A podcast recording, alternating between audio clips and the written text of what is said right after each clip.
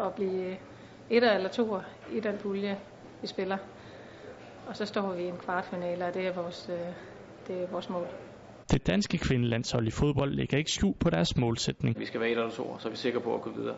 Og vi skal videre fra, fra gruppespil. Det er vores erklærede mål. Når de deltager ved EM, de skal videre fra den indledende gruppe, hvor modstanderen er Italien, Finland og værtsnationen Sverige.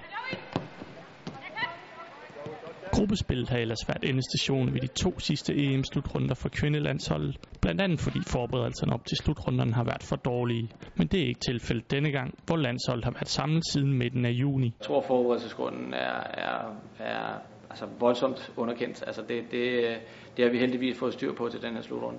Så jeg tager, tager op med øh, meget, meget, meget stor positivitet omkring den her slutrunde, og kan kun sige, at vi har fået de optimale forberedelser, og vi er klar til at præstere. Og at der har været styr på de fysiske forberedelser er noget, spilleren kan mærke. At det er på plads, det giver en stor ro til at få trænet alle de andre ting, som skal sættes på plads.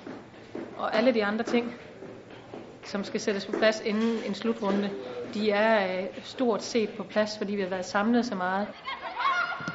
Nu har vi haft øh, nogle gode uger her med god forberedelse, så føler vi er ved at være klar.